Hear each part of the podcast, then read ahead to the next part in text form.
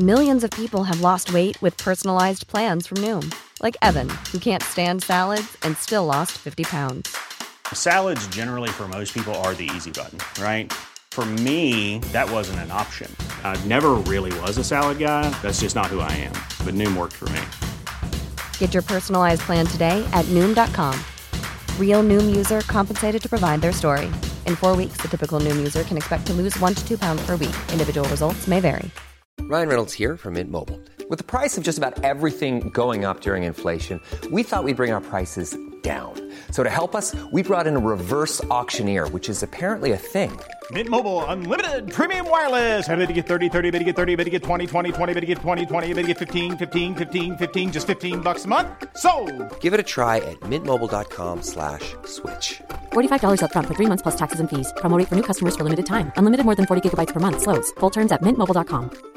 This is Paige, the co-host of Giggly Squad, and I want to tell you about a company that I've been loving, Olive and June. Olive and June gives you everything that you need for a salon quality manicure in one box. And if you break it down, it really comes out to $2 a manicure, which is absolutely insane. It's also so easy to get salon worthy nails at home with Olive and June. The difference between how your nails used to look when you did them yourself and now with the Manny system is a complete game changer. The best thing about Olive and June too is it's a quick dry. Dries in about 1 minute, lasts for 5 days and full coverage in up to 1 to 2 coats. Visit oliveandjune.com slash perfectmanny20 for 20% off your first system. That's oliveandjune.com slash perfectmanny20 for 20% off your first system.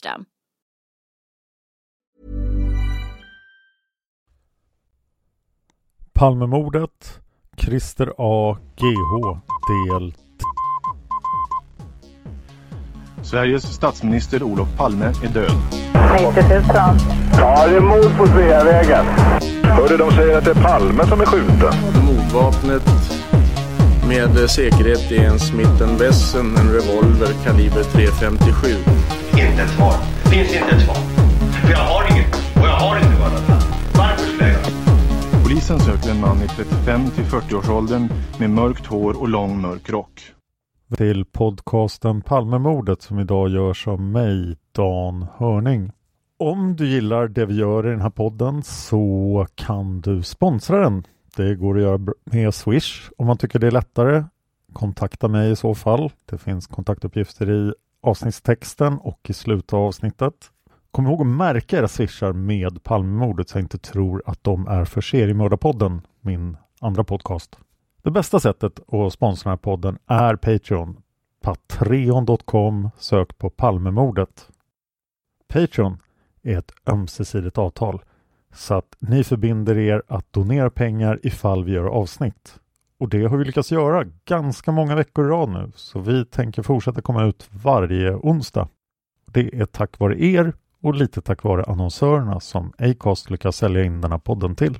Om ni är intresserade som företag av att annonsera i podden, då ska ni kontakta Acast. Jag gör det här avsnittet samma dag som jag gjorde del 9, så ingenting nytt har hänt i Christer A-land, men jag är säker på att det kommer att komma fram massor av saker. Datumet är just nu den 21 september. Jag vill nämna Facebookgruppen FUP och övriga handlingar där det fortsätter komma ut mycket bra dokument och de ansvariga gör ett fantastiskt arbete, många frivilliga också. Jag vill också rekommendera Flashback-tråden om Christer A. Den finns länkad i avsnittstexten. Väldigt bra tråd. Vi har nått fram till den 1 januari 1981 och jag fortsätter då den kronologiska skildringen av Christer A's liv. Jag kommer att komma in på alla förhör när de dyker upp i den kronologiska ordningen. Så det ni får höra innan vi kommer fram till förhören är slutsatser som kloka människor på Flashback och jag själv har dragit. Jag har nu suttit i tre dagar och satt mig in i Christer A så djupt jag bara kunnat för att kunna göra den här kronologiska skildringen. Men det hade inte varit möjligt utan hjälp från de kloka människorna på Flashback.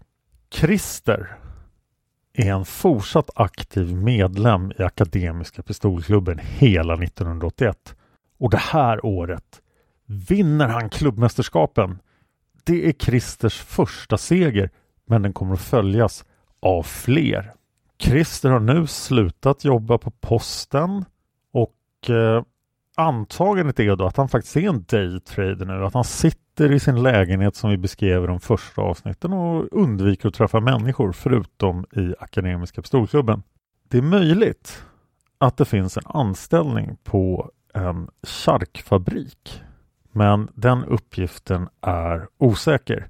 Men vi vet att Christer inte sitter hemma och daytradar ända fram till den 28 februari 1986.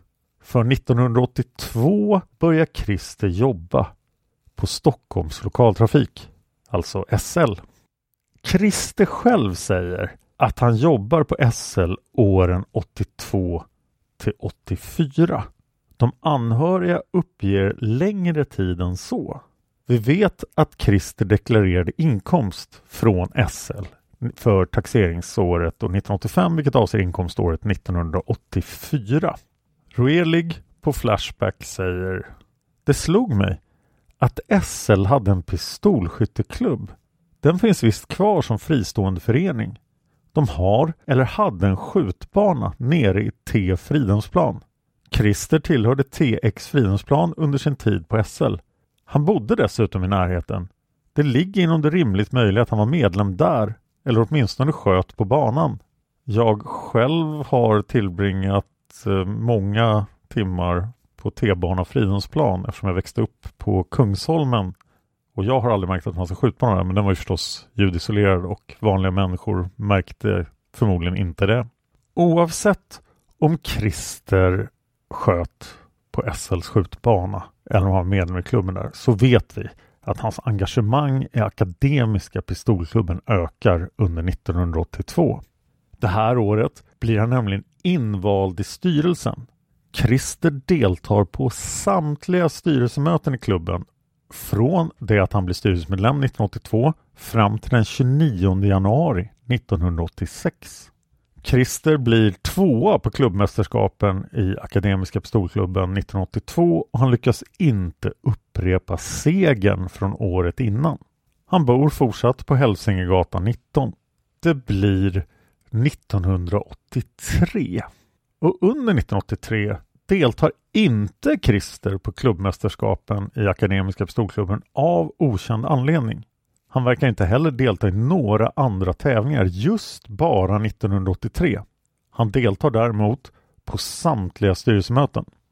1983 eller 1984 köper Akademiska Pistolklubben in metal piercing ammunition av typen Winchester Super X 357 Magnum. Christer A köper 10 stycken patroner ur en av askarna. Den gula asken enligt materialförvaltaren som vi ju kallar för G. G lämnar den här uppgiften långt senare från eget minne. G skickar senare in två patroner från denna ask 1995. Det är okänt om de kulorna är testade. G lämnar in resten av asken eller askarna 2011. Då testas kulorna och det är ingen match kulan som dödade Olof Palme. Varje år anordnar Akademiska Pistolklubben en årlig fest. Ett år var det kräftskiva i Stockholms skärgård. I december varje år anordnar Akademiska Pistolklubben en prisutdelning.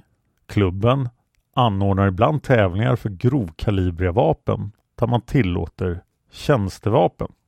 Klubben har ingen egen hemladdningsutrustning. Några medlemmar har gått ihop och införskaffat en sån utrustning för att hålla nere på kostnaden för ammunition. Det inträffar en incident på Frösundavik. Frösundavik blev nedlagt 1985. Akademiska pistolklubben där skjuter med grovkalibrigt och delar av en mantel rikoschetterar och träffar en medlem i pannan varpå denna började blöda ymnigt. Alla närvarande chockades och sprang omkring som yra höns enligt uppgift i förhör. Men Christer A var iskall och drog resolut in den sårade i sin bil och körde i hög fart mot akuten. Vi vet inte exakt när den här incidenten inträffade men det måste ha varit då senast 1985. Det finns två stycken svartvita fotografier där Christer A poserar med en Smith Wesson i höger hand tillsammans med andra medlemmar i APK. Källa IVA 16657. I Flashbacktråden har det också gjorts en sammanställning av intressanta medlemmar som nämns i förhören från Akademiska Pistolklubben. Flera av dem kommer återkomma i förhören så jag tänkte göra en kort genomgång av de intressanta medlemmarna. This Mother's Day, celebrate the extraordinary women in your life with a heartfelt gift from Blue Nile. Whether it's for your mom, a mother figure, or yourself as a mom, find that perfect piece to express your love and appreciation. Explore Blue Nile's exquisite pearls and mesmerizing gemstones that she's sure to love. Enjoy fast shipping options like guaranteed free shipping and returns. Make this Mother's Day unforgettable with a piece from Blue Nile. Right now, get up to 50% off at BlueNile.com. That's BlueNile.com. Planning for your next trip? Elevate your travel style with Quince. Quince has all the jet setting essentials you'll want for your next getaway, like European linen, premium luggage options, buttery soft Italian leather bags, and so much more. And is all priced at 50 to 80% less than similar brands. Plus, Quince only works with factories that use safe and ethical manufacturing practices. Pack your bags with high-quality essentials you'll be wearing for vacations to come with Quince. Go to quince.com/pack for free shipping and 365-day returns. If you thought the only way to get a more defined jawline with natural-looking results was through surgery, think again. Juvederm Volux XC is a non-surgical injectable gel filler that improves moderate to severe loss of jawline definition and can help you achieve natural-looking results with little downtime. Even better, this improved definition lasts up to one year with optimal treatment. No maintenance required. Improve jawline definition for a smooth, sculpted look with Juvederm Volux XC. For important safety information and to find a licensed specialist, visit juvederm.com. That's J U V E D E R M.com. Not for people with severe allergic reactions, allergies to lidocaine, or the proteins used in Juvederm. Common side effects include injection site redness, swelling, pain, tenderness, firmness, lumps, bumps, bruising, discoloration, or itching. There's a risk of unintentional injection into a blood vessel, which can cause vision abnormalities, blindness, stroke, temporary scabs, or scarring. Talk to a licensed specialist to find out if it's right for you. Det är tio stycken. Medlem O var ordförande och sen var han revisor 1995. Han umgås med Christer A privat. Medlem G, som jag nämnde i förra avsnittet, var materialförvaltare för Pistolklubben mellan 1980 och 1988. Det är han som vittnar om att Christer har köpt tio stycken Winchester Super X 357 Magnum-patroner. Medlem A åker bil med Christer, lyssnar på ett radioinslag om PKK, vittnar också om Christers person och skytteförmåga. Medlem B vittnar om Christer A's person och skytteförmåga samt det grovkalibriga fältskyttet cirka 1980 till 85.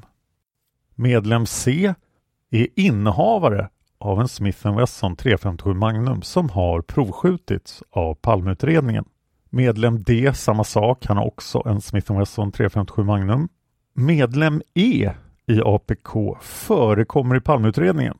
Citatet är Lik skuggan, gott om pengar, saknar arbete, vistas i Gamla stan. Medlem F deltog i en pistolskyttekurs 1977. Medlem H i APK var skyldig till försök till grovt rån mot posten i Lövsta genom hot om sprängning den 18 december 1989. Alla de här återkommer alltså i förhören när vi kommer fram till dem. Det visade sig att det fanns ett förhör som var från den 5 december 1988 med en medlem, medlem I, i APK. Och det gjorde ju ganska många rätt upphetsade. För att den 5 december 88 var ju långt innan Christer A var aktuell för Palmeutredningen. Men det verkar som att medlem I erkänner att det är han som har mördat Olof Palme den 5 december 1988. Men senare kommer han inte ihåg det 1995. Så det har alltså ingenting med Christer A att göra. Det är medlem I som erkänner att han har mördat Olof Palme. Och han är alltså en av de många som har erkänt Palmemordet. Det här är en sammanställning av hur medlemmarna har beskrivit Christer A som person i de olika förhören. Christer A upplevdes udda och inbunden. enstöring till naturen. En ensam person, väldigt udda. Han är svår att få kontakt med. Christer tar aldrig initiativ till en diskussion. Han förhåller sig avvaktande. En väldigt udda person som är svår att få kontakt med.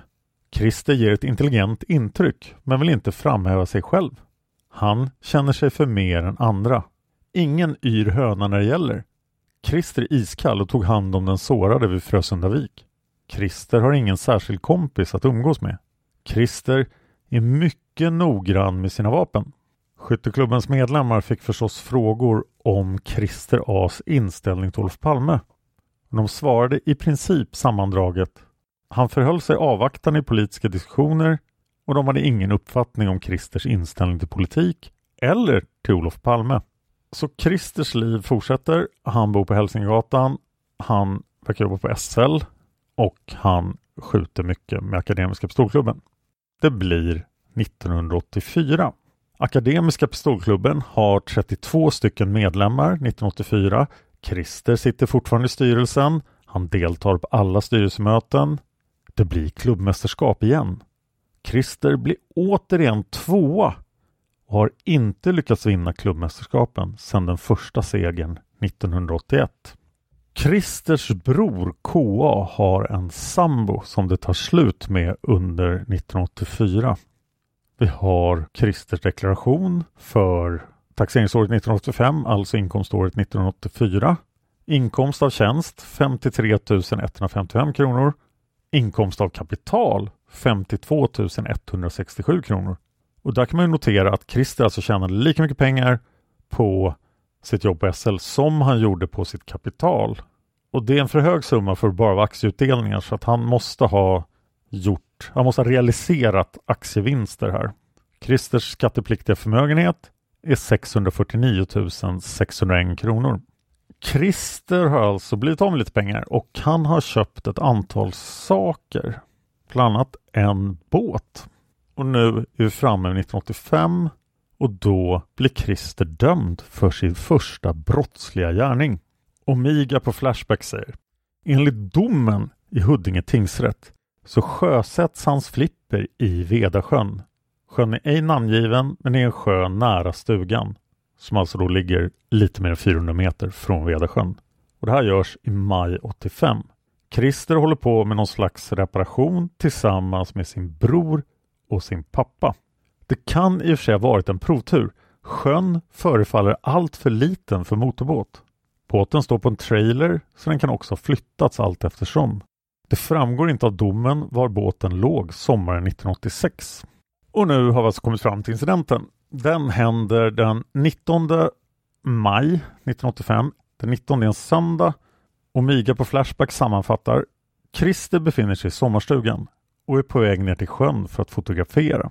På allmänningen mellan stugan och sjön stannar han till för att ta ut en sten ur skon. Grannens hundar, två stycken papions, kommer då ut på allmänningen och Christer utdelar en spark så att den ena hunden citat flög upp i luften och tjöt. Därefter uppstår en ordväxling med grannen och uppgifterna går isär. Christer döms för djurplågeriet som kan styrkas med ett veterinärintyg. Och vi har alla handlingar från det här så nu ska vi verkligen gå in på djupet av det här. Men först måste ni förstå alltså vad det här är för hundras. Papillon, eller papillon, nej papillon, jag är osäker på hur det uttalas, är en dvärghund och en sällskapshund av dvärgspanieltyp. Den har stora upprättstående öron och en hanhund väger 1,5 till 4,5 kilo men hanhunden här väger bara 2 kilo. En tik väger lite mindre, mankhöjden är cirka 28 centimeter. Wikipedia säger att det är en tillgiven livlig liten hund, mycket spänstig och uthållig och kan med fördel tränas i agility och lydnad. Den behöver en hel del motion och trivs i alla klimat. Den är ytterst lojal mot sin ägare och är dessutom trots sitt ringa format en ypperlig vakthund. Och det här rör alltså två stycken hundar. En tik och en hanhund. Hanhunden väger bara två kilo men är en utställningshund. Den 13 februari 1995 får Palmeutredningen de handlingar jag nu har framför mig om det här fallet. Vi har ett förundersökningsprotokoll från fallet. Handläggaren är Håkan Hansson. Undersökningsledare är distriktsåklagare Björn Lindqvist. Förundersökningsprotokollet är daterat den 4 juni 1985. Det avser olaga hot och djurplågeri. Christer A utser själv en försvarare. Den 19 maj 1985 sparkade Christer en hund och hotade sedan hundens ägarinna. Den 21 maj hotade han henne igen. Sedan har hon tagit kontakt med honom. Christer A förnekar brotten. Förundersökningsprotokollet består av anmälan, veterinärintyg, förhör med målsägaren, promemoria med Elin E, 14 år gammal, förhör med vittnet Leif E och förhör med Werner A, alltså Christers pappa. Och först ska vi titta på anmälan. Målsägande är Eva W. Det avser då olaga hot samt djurplågeri. Plats för brottet snedstreck händelsen är Vedahöjden i Västerhaninge. Brottet.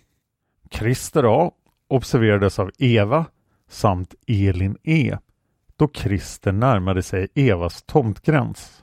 Christer bar på ett fotostativ och han påkallade Evas hundars uppmärksamhet för att kalla dem till sig. Då två av hundarna kom inom räckhåll sparkade Christer till en tvåårig hanhund, Emil, så denne flög i luften. Den andra hunden försökte Christer slå med fotostativet men missade. Den sparkade hunden skrek av smärta och bägge hundarna sprang från platsen. Efter detta han Eva fram till Christer och frågade vad han gjorde. Christer svarade med att ta upp stativet och hota Eva med det. Han sa ”Jag ska slå dig också” och började att jaga Eva. Eva jagades två till tre meter och hon var livrädd. Då Eva kom fram till hemmet kom hennes pojkvän och avstyrde det hela. Eva har via grannen Werner A fått reda på att det var Christer A som gjorde detta. Werner är fader till Christer. Eva var vid tillfället mycket rädd och haft svårt att sova de tre senaste nätterna på grund av detta. Den sparkade hunden fick den 19 maj föras till sjukhus i Bagarmossen. Hunden hade en kraftig hjärnskakning samt en nackskada. Ska ligga still i tre veckor helt i vila. Det är risk för framtida men. Vittnen Elin E. Ersättningsanspråk finns och preciseras senare. Sen kommer en till anmälan för det som hände då den 21 maj. Olaga hot, Christer A. Brottet. Christer har vid ett tidigare tillfälle sparkat Evas hundar och hotat henne. Anmälan är upptagen på detta samma dag som detta brott, alltså 1985 05 21. Eva såg Christer tillsammans med dennes fader vid 11-tiden den 21 maj 1985. Hon tänkte sig att få en förklaring till Christers tidigare beteende varför hon frågade Christer om detta. Han sa då att Evas hundar hade nafsat efter honom. Detta är dock inte sant och detta kan vittnen från tidigare anmälan intyga enligt Eva. Sen sa Christer att han skiter i Evas hundar. I samband med detta uppträdde Christer mycket hotfullt. Han gick emot Eva som om han skulle angripa henne. Eva vart rädd och sprang in till ett par grannar som bor på Vedahöjden 11. Eva är mycket rädd och törs inte sova ensam. Hon gråter och är mycket skärrad vid anmälningstillfället.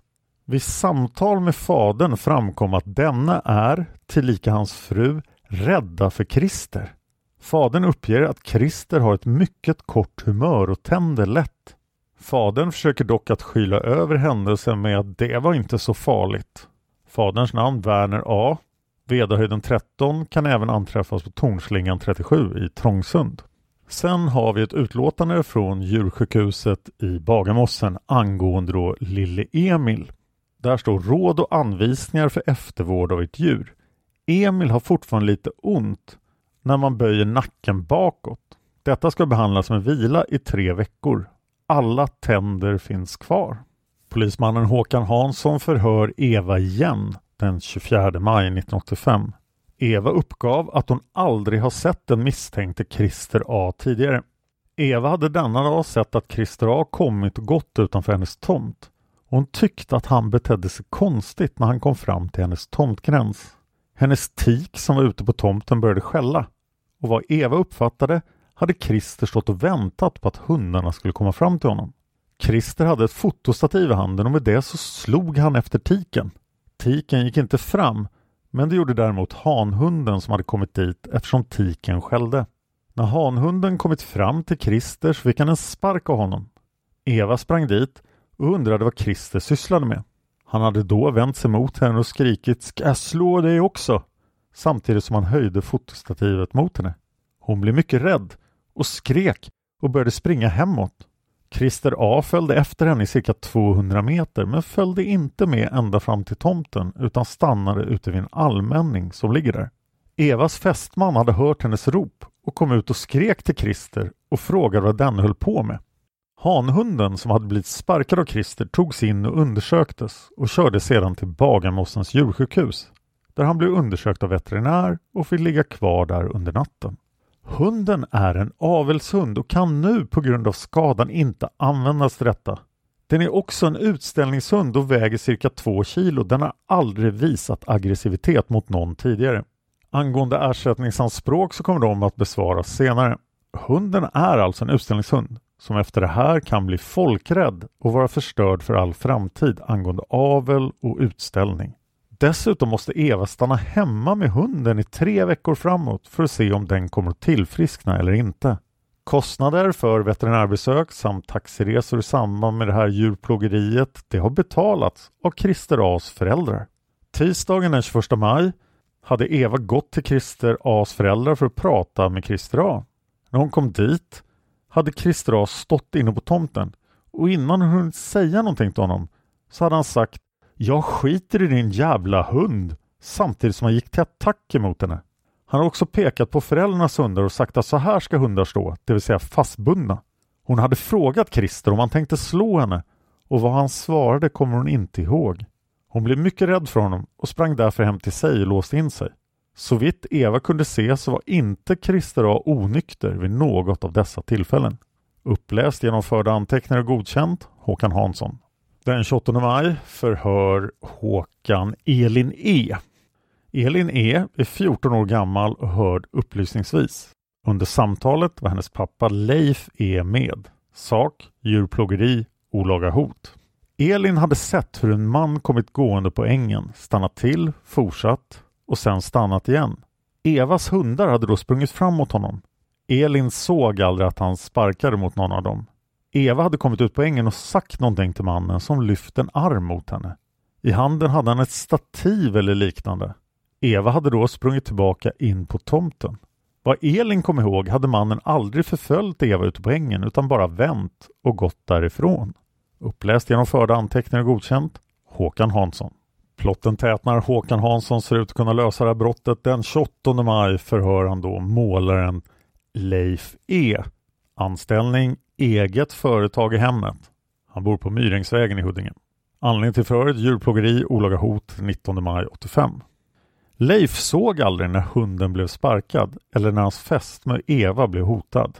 Han hade hört att hans dotter Elin hade ropat någonting och därför gått ut. Eva och dottern fanns då på tomten och ute på ängen såg han en man som gick i riktning från dem. Eftersom fästmön och dottern verkade uppskärrade skrek han åt mannen och frågade vad denne hade där att göra samt att han skulle försvinna, vilket han också gjorde. Uppläst genom anteckningar och godkänt. Den 24 maj fortsätter Håkan Hanssons utredning när han söker upp Werner A som var yrkepensionär. Han är alltså lite mer än 63 år gammal vid det här tillfället, Werner. Anledning till förhöret? Fader till den misstänkte hörd upplysningsvis. Werner bor granne med Eva W och uppgav att hennes hundar, fem till sex papillons, ibland brukar komma in på hans tomt och skälla. Werner har själv hundar. Dessa bryr sig inte mycket om Evas hundar. Werner har heller inte haft något större obehag av dem eftersom de är så små och inte kan göra någon skada. Möjligen kan det vara lite onödigt att hon låter dem springa lösa. Enda förklaringen till att sonen Christer reagerade så häftigt måste enligt Werner vara att Christer hade retat sig på att hundarna springer lösa. Han kan även ha retat sig på att de ibland kommer in på föräldrarnas tomt och skäller. Christer anser att hundar ska hållas kopplade eller inom hägn. Uppläst genom förda anteckningar och godkänt. Nu är Håkan Hansson redo att ta sig an Christer A och det gör han den 24 maj 1985 klockan 12.50. Christer A är underrättad om misstanke för djurplågeri och olaga hot. Advokat önskas och Christer utser en sådan själv. Berättelse Christer A förnekar brotten. Den 19 maj hade Christer varit hem till sina föräldrar som har ett fritidshus på Vedahöjden 13. Christer har en båt liggande där som han skulle dit och jobba med. På eftermiddagen tänkte han gå ner till en sjö som ligger i närheten för att fotografera. Från föräldrarnas tomt och ner till sjön går en stig över en allmänning.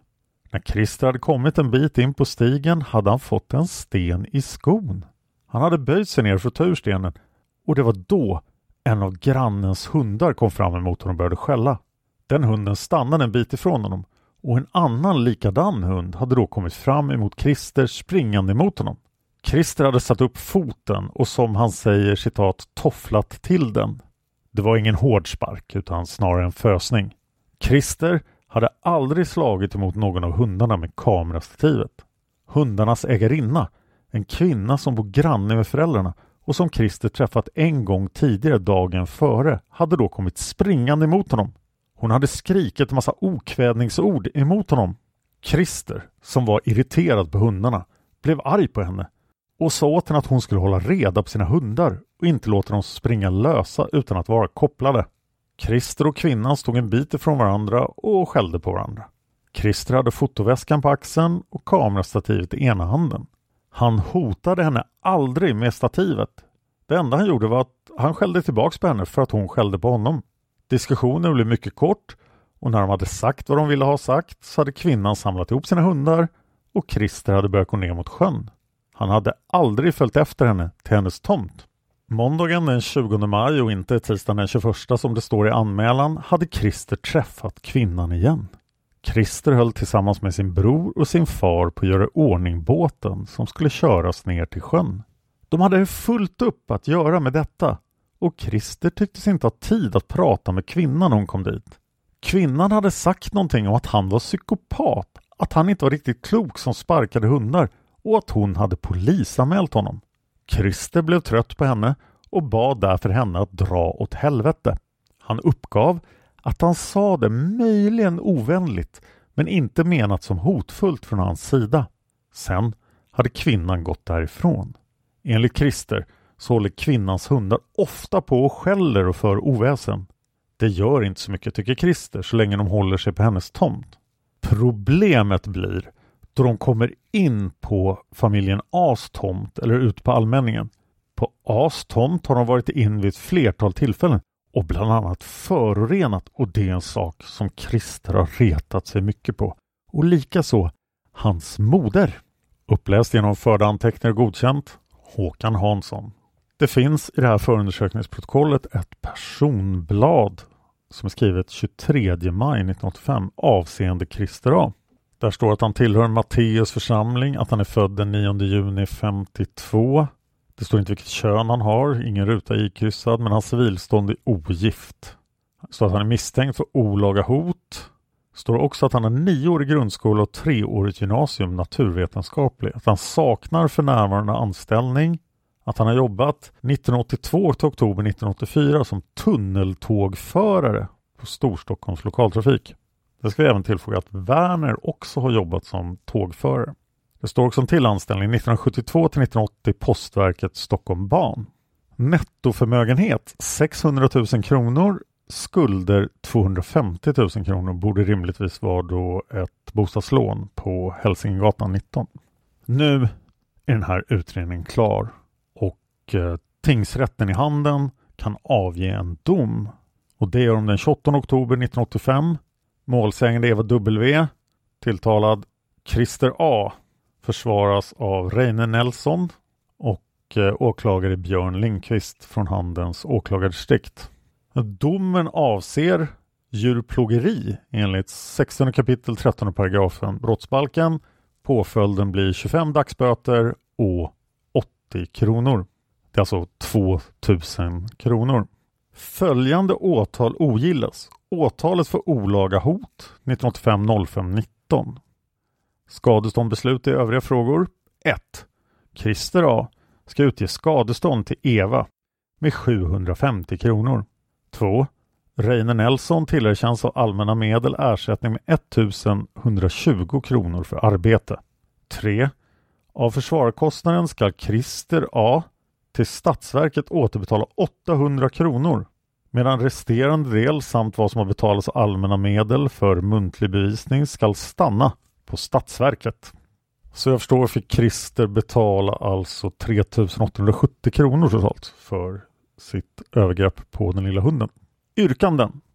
Åklagaren har yrkat ansvar på Christer A enligt följande. Djurplågeri och olaga hot.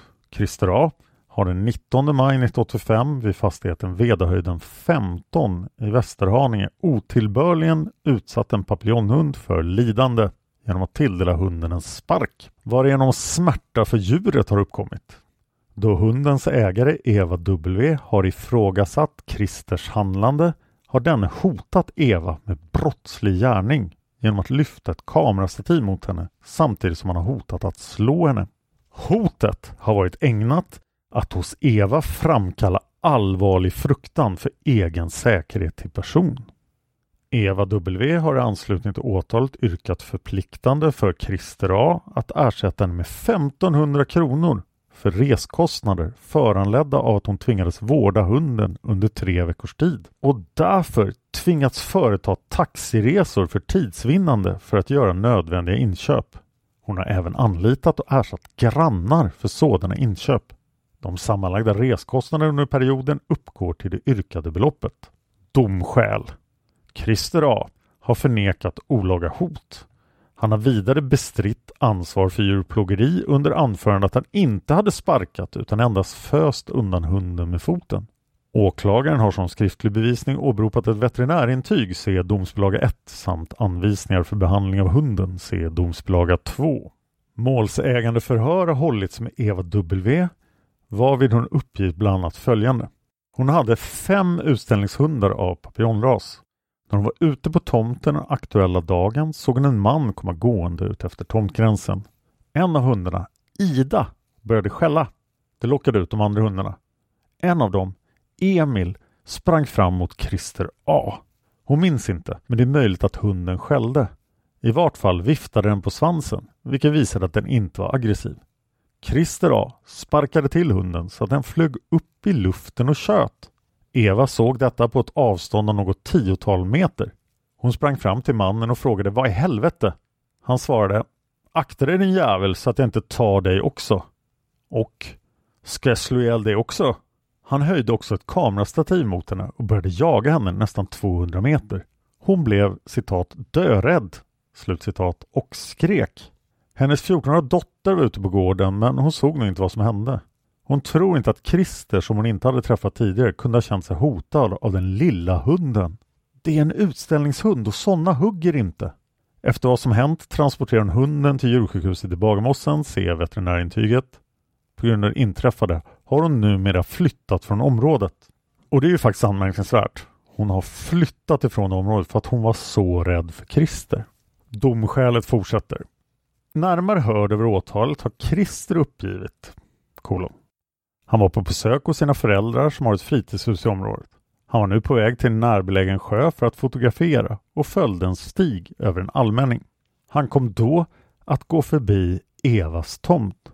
Han stannade till för att ta ut en sten ur skon. När han höll på att knyta skon kom en hund springande och skällande mot honom. Den stannade en bit ifrån honom men det kom ytterligare ett par hundar springande mot honom. En av dessa sprang på honom och skällde. För att stoppa hunden satte han upp bredsidan av foten mot hunden så att hunden studsade tillbaka. Någon spark var det inte fråga om.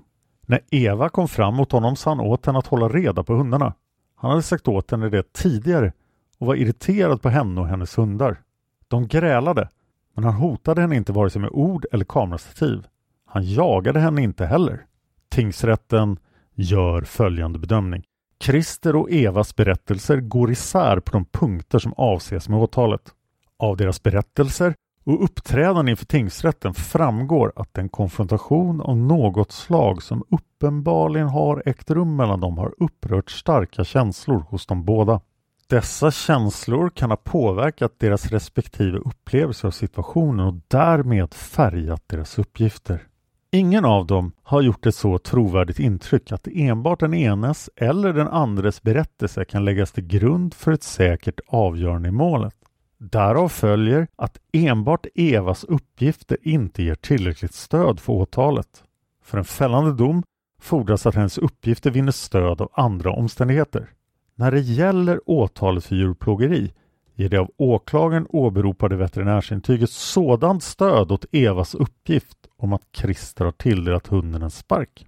Christer A's uppgift att den skada som påvisades i veterinärundersökningen, en kraftigt ökad smärtreaktion vid böjning av nacken neråt, skulle ha orsakats av att hunden endast hade sprungit mot Christers fot. Den uppgiften är däremot så osannolik att den kan lämnas utan avseende. På grund av det anförda är det styrkt att Christer A har tilldelat hunden en spark med smärta för hunden som följd. Han har därigenom otillbörligen utsatt hunden för lidande och har därför gjort sig skyldig till djurplågeri. När det däremot gäller åtalet för olaga hot saknas motsvarande stöd för den enes eller den andres version av vad som hände. Som ovan konstateras är enbart Evas egna uppgifter inte tillräckliga för en fällande dom mot Christer A's förnekande. Det är därför inte tillförlitligen styrkt att Christer A skulle hotat henne på det sätt åklagaren har påstått. Åtalet för olaga hot ska därför lämnas utan bifall. Påföljdsfrågan. Tingsrätten har funnit att Christer har gjort sig skyldig till djurplågeri. För detta ska han ådömas böter. Vid bestämmande av antalet dagsböter beaktar tingsrätten att Christer kan ha känt sig provocerad och att han så vitt framkommit inte tillfogat hunden någon allvarligare skada. Skadeståndsfrågan Evas skadeståndsyrkande får anses utgöra sådan kostnad till följd av sakskada som regleras i 5 kapitlet 7 paragrafen skadeståndslagen. Vid angiven utgång i ansvarsfrågan är Christer A skyldig att ersätta Eva för sådan skada. Han har inte vitsordat något belopp som skäligt. Annan utredning än Evas egen beräkning av havda kostnader föreligger inte i målet. I en avsaknad av sådan närmare utredning om storleken av kostnaderna får Eva anses skäligen tillgodosett med hälften av vad hon har yrkat, alltså 750 kronor. Övrigt. Eftersom Christer har fällts till ansvar för djurplågeri är han enligt 31 kapitlet första paragrafen rättegångsbalken skyldig att ersätta staten för kostnader för försvaren. Med hänsyn till att Christer har frikänts såvitt avser åtalet för olaga hot finner tingsrätten skäligt jämkans återbetalningsskyldighet på så sätt som framgår av domslutet. Och det var alltså hela historien om djurmisshandeln som vi visste så lite om 2016. Och jag ville ta upp den till fullo eftersom det säger en del om hur Christer tänker. Christer kommer bli fälld för ett annat brott senare och det i ljuset av den här djurmisshandeln är också ett viktigt tecken på hur Christer kan reagera. Christer fortsätter vara aktiv i Akademiska Pistolklubben. 1985 har Pistolklubben 28 medlemmar. Det är en minskning med fyra medlemmar sedan 1984. Men tiderna ska snart vända för Akademiska Pistolklubben. Christer A sitter i styrelsen och han deltar på alla styrelsemöten under 85. Och det här året, 1985, vinner Christer klubbmästerskapen igen, precis som han gjorde fyra år tidigare. Han är nu en erkänt skicklig skytt, kanske den bäste i hela klubben. Men han har alltså inget jobb och en anledning till att Christer inte har något jobb är att det är 1985 och börsen går strålande. Under 1985 stiger generalindex med 37,1 procent. Men vi har redan konstaterat att Christer inte är den här totalt människohatande individen som inte vill gå ut överhuvudtaget eller träffa folk. För han har haft det här jobbet på SL, han är aktiv i storklubben och på höstterminen 1985 ansöker han till Stockholms universitet igen. Han vill gå en grundkurs i historia men han slutför aldrig kursen. Det finns en märklig sak med 1985 och Christers deklaration. Han skickar in en deklaration för taxeringsåret 86 vilket avser inkomståret 85. Inkomst av tjänst är noll. Inkomst av kapital är noll och hans skattepliktiga förmögenhet är 722 543 kronor. Hans förmögenhet har alltså ökat, förmodligen för att börsen har stigit så kraftigt. Och det är möjligt att han, han inte haft något jobb, så han har ingen inkomst av tjänst och han kanske inte gjorde några aktieaffärer under 1985. Utan han bara sitter och tittar på när hans aktie går upp. Användaren Hellbastard säger på Flashback citat. Men någonting som jag tidigare tyckte varit konstigt är att Christer trots allt hade minst två anställningar under första halvan av 80-talet. Avsikten var väl att leva på aktierna och indirekt travvinsten. Och man får ju inte direkt intrycket av att Christer såg arbetslivet som socialt eller intellektuellt berikande. Så varför jobbade han då alls? Var det för att ha någon sorts ekonomisk backup? Men han verkar inte heller vara killen som planerar för framtiden. Eller gick börsklippandet så dåligt att det bara var tack vare riktiga jobb som förmögenheten höll sig på relativt konstant nivå? Och när vi i nästa avsnitt kommer in på 1986 så kommer vi få anledning att tvivla på att det var aktieomsättningsskatten som ruinerade Christer. Men det ska vi prata en hel del om. Men det ser onekligen ut som att Christer har det ganska bra då, förutom att han blir fälld för djurplågeri under 85. Han verkar inte lida någon ekonomisk nöd. Palmemordet finns på Facebook. Gå gärna in och like oss där och prata om podden med eh, mig, Tobias och andra lyssnare. Vill ni prata och bolla Palmemordsdetaljer så hinner vi tyvärr inte göra det. Men det finns massor av kloka människor på Flashback och på de två stora grupperna på Facebook. Studio Palmemordet och Palmerummet. Som där är bra ställen att prata Palmemordsdetaljer. Jag finns på Twitter och Instagram. Där kan ni följa alla mina projekt och alla mina poddar. Jag heter Dan Hörning, så jag är lätt att hitta. Jag vill hemskt gärna ha iTunes-recensioner. Om ni gillar mordgåtor så gillar ni säkert min nya podd Olösta mord som finns där poddar finns. Förutom på iTunes slash podcaster slash Apple just nu. Men det är avsiktligt. I Olösta mord tar jag bara upp olösta mord och försvinnanden. Det är bara mysterier, podden ställer frågor och lämnar aldrig några svar.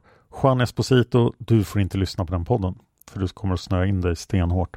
Jag vill tacka alla som sponsrar Palmemordet på Patreon och på Swish. Tack för det. Tack till Lukas för musiken. Tack till alla duktiga människor i Christer A-tråden på Flashback. Tack till expertgruppen och tack till dig för att du lyssnar på Palmemordet. Man hittar Palmes mördare om man följer PKK-spåret till botten.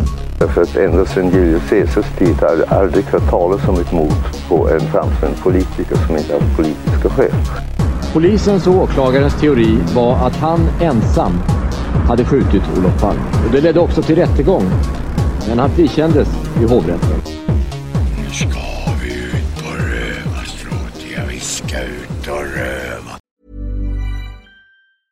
Hey, it's Danny Pellegrino from Everything Iconic. Ready to upgrade your style game without blowing your budget? Check out Quince. They've got all the good stuff shirts and polos, activewear, and fine leather goods, all at 50 to 80% less than other high end brands. And the best part? They're all about safe, ethical, and responsible manufacturing. Get that luxury vibe without the luxury price tag. Hit up quince.com slash upgrade for free shipping and 365 day returns on your next order. That's quince.com slash upgrade.